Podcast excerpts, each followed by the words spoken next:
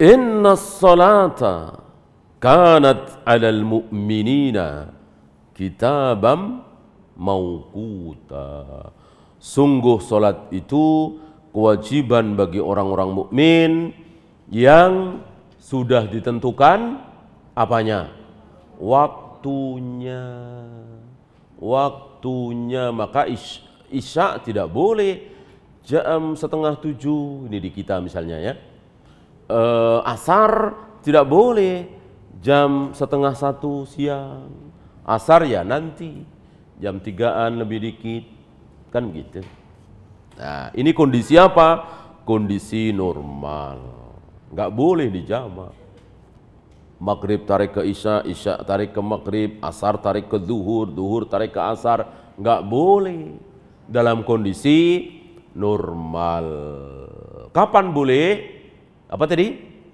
Sakit, safar, hujan, macet, banjir, dan seterusnya.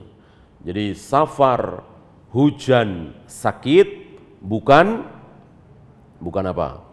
bukan pembatas. Tapi sekedar sekedar contoh saja. Bukan pembatas, sekedar contoh. Kalau pembatas berarti macet nggak boleh dong. Ketika macet tidak bisa bergerak, ya tentu harus keluar dari mobil untuk sholat. Ya, banjir juga nggak boleh. Operasi pasien juga nggak boleh. Meninggalkan sholat, nah, yang benar boleh. Berarti Nabi menyebut safar, sakit, hujan bukan pembatas. Sekedar contoh. Contoh apa? Contoh masyakkah, kesulitan. Maka seluruh kesulitan yang muncul dan tidak mungkin kita bisa sholat tepat waktu di waktu masing-masing, maka boleh dijamak. Duhur tarik ke asar, asar tarik ke duhur, maghrib tarik ke isya, isya tarik ke maghrib. Dan tidak boleh di luar itu.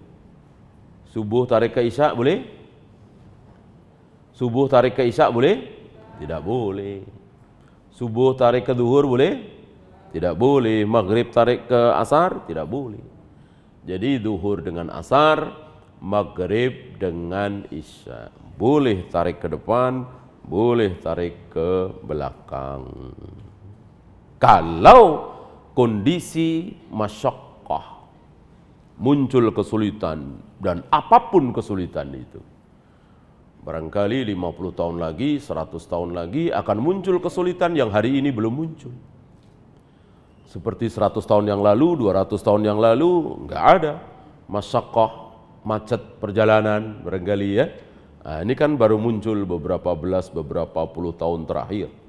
Adanya kemacetan di jalan raya, ya kan? Bagaimana rapat?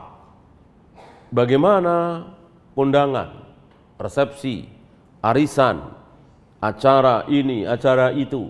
Jawabnya, boleh dijadikan alasan menjamak sholat? Jawabnya, tidak boleh. Tidak boleh. Kenapa? Karena kita mestinya harus bisa ngatur. Rapat, kondangan, resepsi, arisan, acara ini, acara itu, musyawarah.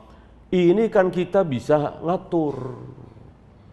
Gimana caranya agar tidak nabrak jadwal sholat habis zuhur sampai menjelang asar misalnya. Habis asar sampai menjelang maghrib misalnya. Atau jam 9 sampai menjelang duhur misalnya. Kan bisa. Kenapa rapat dari jam 11 siang sampai jam 2? Nggak boleh ditinggalkan. Nah, salah dia. Gitu ya. Beda dengan macet, kebakaran, kebanjiran, tentu kita nggak bisa ngatur. Ya. Kalau rapat bisa ngatur, jangan jam 11 dong, nanti habis duhur ya, rapatnya ya. Kan bisa dimusyawarahkan, bisa diatur. Ya. Kalau banjir nggak nggak bisa. Tar aja banjirnya habis duhur ya. Tar macetnya macetnya habis asar ya. Itu nggak bisa begitu. Ya.